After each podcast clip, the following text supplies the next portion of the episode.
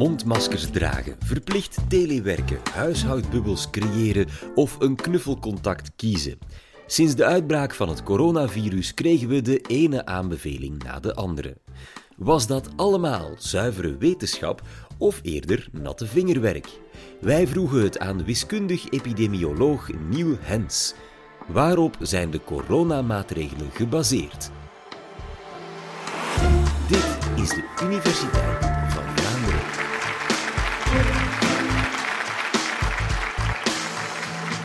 Is telewerk de oplossing om de verspreiding van het SARS-coronavirus 2, kortweg coronavirus, tegen te houden? Wat is de impact van schoolsluiting op de verspreiding van het virus in de bevolking?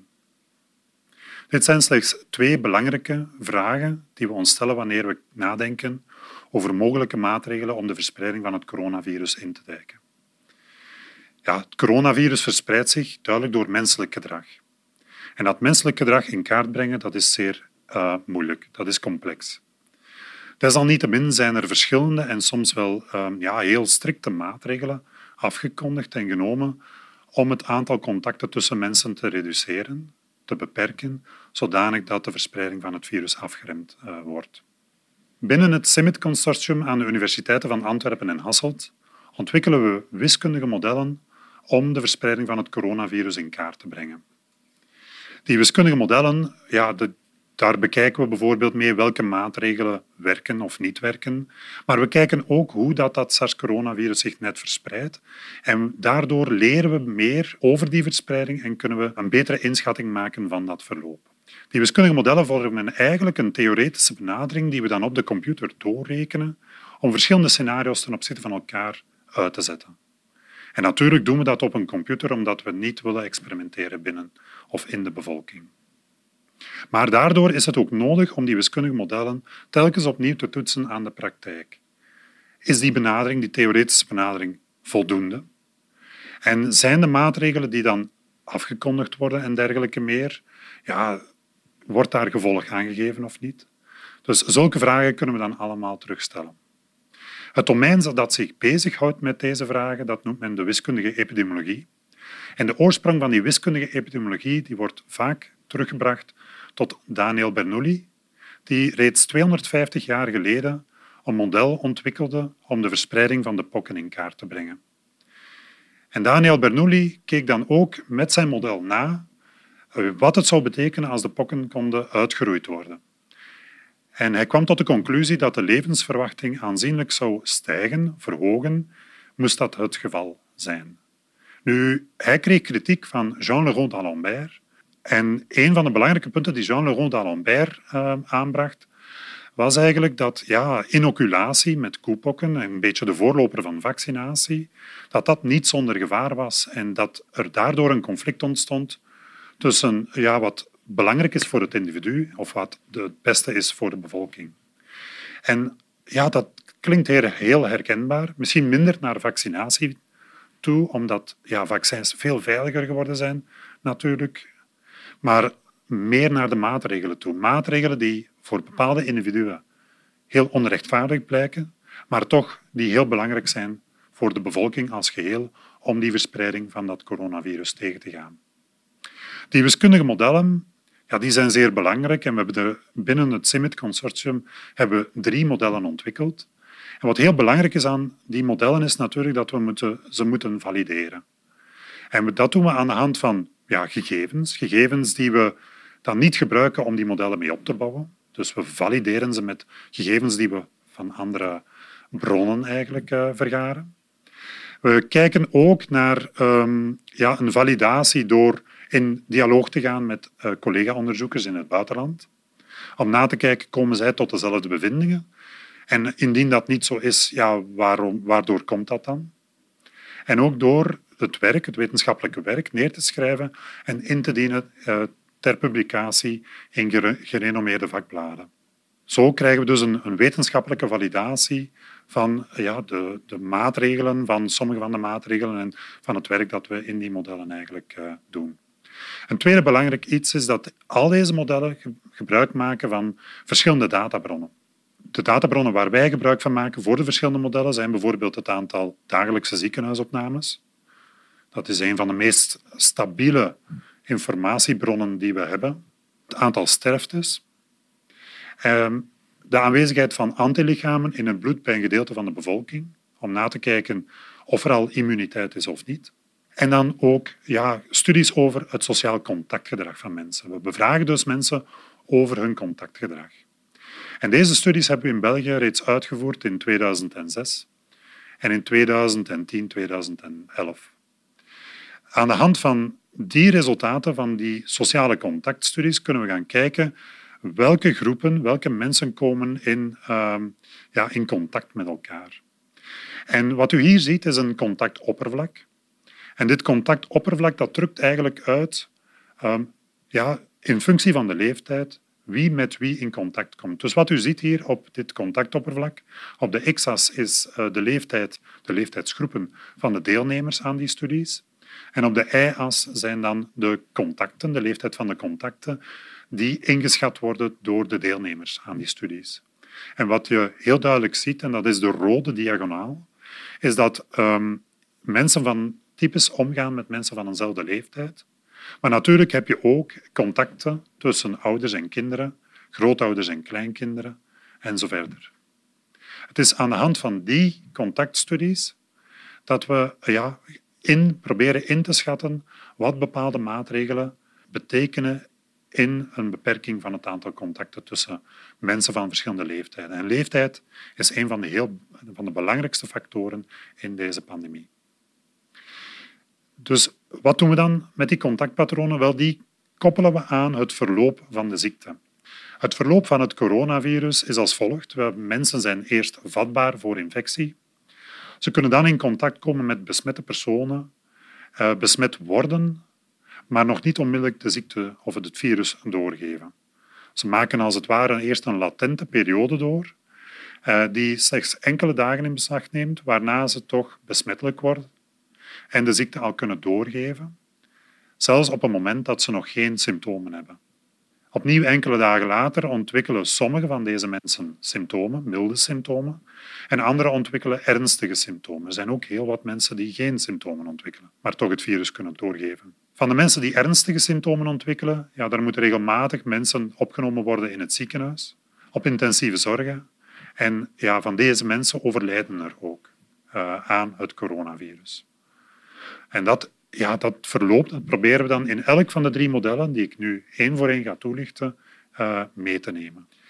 Een eerste model dat we gebruikt hebben uh, om het SARS-coronavirus in kaart te brengen, wat men noemt een metapopulatiemodel. En een metapopulatiemodel dat gaat uit van het modelleren van hoe het verloop of de verspreiding van dat virus op elke gemeentelijk niveau in België en dan ook het verplaatsingsgedrag van mensen van gemeente tot gemeente. Bijvoorbeeld als men naar, naar het school gaat of men, gaat naar het werk en dergelijke meer. En zo krijg je dus een model dat die verspreiding in België in kaart kan brengen. En dat metapopulatiemodel dat is een model dat we al gebruikt hebben in het verleden voor het ja, modelleren van, of nakijken van de verspreiding van uh, seizoensgriep uh, voor België. We hebben dat ook toegepast voor uh, Frankrijk, natuurlijk aangepast. En ja, in deze coronacrisis hebben we uit dit model enkele heel belangrijke ja, um, resultaten eigenlijk kunnen afleiden. En een van die belangrijke resultaten was bijvoorbeeld de inschatting van het basisreproductiegetal voor het coronavirus in België. En dat hebben we geschat op 3,4. Wat betekent dat één besmet persoon gemiddeld het virus kan doorgeven aan 3,4 andere uh, personen. Deze personen op hun beurt kunnen dan weer de besmetting gemiddeld gezien aan 3,4 andere personen doorgeven en zo krijg je een heel sterke en snelle stijging van het aantal besmettingen. Door de lockdown in maart-april van 2020 is dat reproductiegetal teruggedrongen tot 0,7. Wat wil zeggen dat, ja, aangezien dat dat kleiner is dan 1, dus je brengt altijd maar minder en minder besmettingen verder, dat je die epidemie onder controle krijgt en dat je ze doet krimpen. Nu, in die lockdown ja, was er dan ook de vraag, ja, welke contacten zijn nu verantwoordelijk voor de meeste besmettingen? Uh, om uit die lockdown te geraken.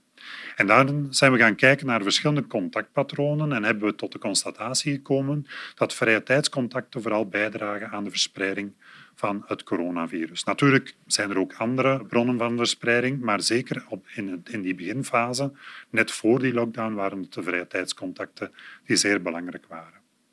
Misschien ook om mee te geven, dat zijn misschien de twee belangrijkste resultaten van dat, uh, van dat metapopulatiemodel. Maar dat metapopulatiemodel keek ook naar de mobiliteit. En dat bleek aanvankelijk toch wel wat ingewikkelder dan eerst gedacht. En heel toevallig was dat ook waar de collega's in het Verenigd Koninkrijk en in, in Frankrijk, de collega's waar we mee samenwerken, tot een, onafhankelijk tot eenzelfde constatatie kwamen. Dat mobiliteit eh, ja, toch uh, voor de verspreiding van het coronavirus toch niet zo eenvoudig te begrijpen is. En die mobiliteit, ja, dat zijn gegevens die we halen uit uh, studies van verplaatsingsgedrag, maar ook ehm, gegevens van uh, ja, de mobiele telefoons en dergelijke. En daar blijkt toch nog wel wat verder onderzoek nodig. Een tweede model dat we gebruikt hebben om het coronavirus, de verspreiding van het coronavirus te bestuderen, dat is STRIDE. En STRIDE is een individu-gebaseerd model dat we vroeger al gebruikt hebben om de verspreiding van mazelen en seizoensgriep in kaart te brengen. Wat doet Stride? Ja, die gaat, we gaan eigenlijk 11 miljoen Belgen gaan we voorstellen of in onze computer steken. En we gaan die organiseren in verschillende huishoudens. Volgens de samenstelling zoals die in de census is opgenomen.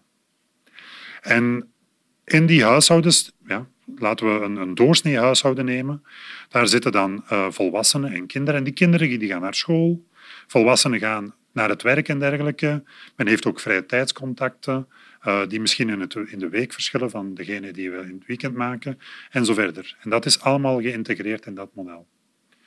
Nu, dit model hebben we vooral gebruikt om fijnmaziger te gaan kijken naar mogelijkheden om contact toe te laten, maar tegelijkertijd de epidemie onder controle te houden.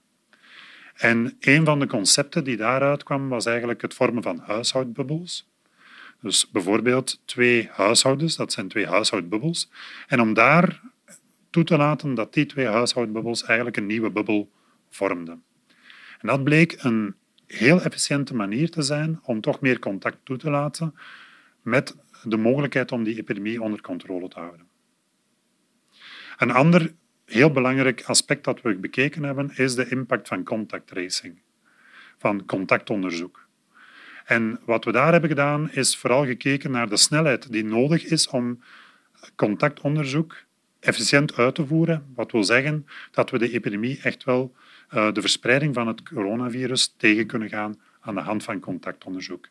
En daaruit bleek bijvoorbeeld dat je heel snel mensen moet kunnen contacteren en aangeven dat men in quarantaine moet. Andere aspecten die ook belangrijk waren, was het, uh, de impact van het testen van de, de hele bevolking op het coronavirus of de impact van de superverspreiding, wat een typische eigenschap is van dit coronavirus, waarbij sommige mensen verantwoordelijk zijn voor heel veel besmettingen, maar het grote merendeel eigenlijk verantwoordelijk is voor een heel klein aantal besmettingen. En dan een laatste model, waar ik heel even wil aanbrengen, dat is wat men in technische termen een stochastisch compartimenteel model noemt. En met dit stochastisch compartimenteel model kan je eigenlijk aan de slag gaan om ja, scenario's te ontwikkelen, om na te kijken wat bijvoorbeeld een vakantieperiode betekent in functie van het aantal ziekenhuisopnames en zo verder. Dit model, daar konden we ook bijvoorbeeld de infectie fatality rate mee bepalen. Wat wil zeggen wat de kans is om te sterven als je eenmaal het coronavirus krijgt. En we kwamen tot de conclusie dat dat vele malen hoger lag dan uh, bijvoorbeeld de seizoensgriep. En dit in een volledig vatbare populatie zou betekenen dat er ja, heel wat sterftes kunnen veroorzaakt worden door dat coronavirus. Dit model als dusdanig hebben we ook gebruikt om een inschatting te maken voor het verdere verloop van deze pandemie in België in 2020.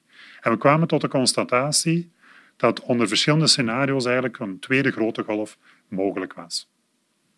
Nu, ja, die tweede golf heeft zich inderdaad plaatsgevonden in oktober en november. In november heeft men heel strikte maatregelen opnieuw genomen om die tweede golf te doen ombuigen. En aan de hand van dat model hadden we eigenlijk een scenario um, naar voren gebracht waarin dat die daling veel sterker zou plaatsvinden dan dat we geobserveerd hebben. Met andere woorden, het model, die theoretische benadering, gaf aan dat we heel snel konden zakken um, uit die tweede golf, maar in de realiteit, in de praktijk, zagen we eigenlijk dat we op een plateau beland zijn En dat plateau, ja, dat is heel belangrijk om dat vast te stellen. En dan zijn we natuurlijk de vraag gaan stellen, hoe komt dat nu dat dit, de praktijk, niet helemaal strookt met het scenario dat we vooropgesteld hadden. En aan de hand van die sociale contactgegevens komen we nu tot de conclusie dat het waarschijnlijk aan een toename in sociaal contactgedrag lag dat we inderdaad op dat hoog plateau zijn blijven steken als dusdanig. Dit model ja, dat, gebruiken we vandaag de dag nog altijd. We hebben dat bijvoorbeeld gebruikt om uh, de impact van varianten na te kijken. Denk maar aan de Britse variant, die in uh, februari, maart vooral de kop opstak. En ook om de impact van vaccinatie door te rekenen. Om te kijken ja, wanneer dat die impact zich gaat vertalen in een vermindering van het aantal ziekenhuisopnames. Of in een vermindering van transmissie en dergelijke meer. Dat kunnen we allemaal met dit model nakijken. Met andere woorden, dit model is, bevat heel wat informatie. En ja, het is die informatie die we vertalen en die we uh, doorgeven aan beleidsmakers. En beleidsmakers gaan daar dan mee aan de slag om bepaalde beslissingen te nemen en dergelijke meer. En wat daar heel belangrijk uh, is, is dat ja, zulke modellen gebaseerd zijn op veronderstellingen. Met andere woorden, we voorspellen niet, maar we geven wel scenario's. En door verschillende scenario's tegenover elkaar te zetten, uh, kan men dan beslissingen nemen. Dat is niet eenvoudig, omdat daar ook ja, heel wat onzekerheid mee gepaard gaat. Een van de belangrijke facetten daar is of men ja, het gedrag natuurlijk de maatregel wel volgt, bijvoorbeeld. Nu, desalniettemin kunnen we daar zeker uh, heel nuttige zaken uit leren, maar niet alle maatregelen ja, zijn gebaseerd op deze modellen. En zeker en vast uh, zijn er andere factoren die daar een rol in spelen. Ben je nu benieuwd welke corona-podcasts we verder nog in de aanbieding hebben? Op www.universiteitvanvlaanderen.be hebben we ze netjes voor je gebundeld. Heel graag tot een volgende keer.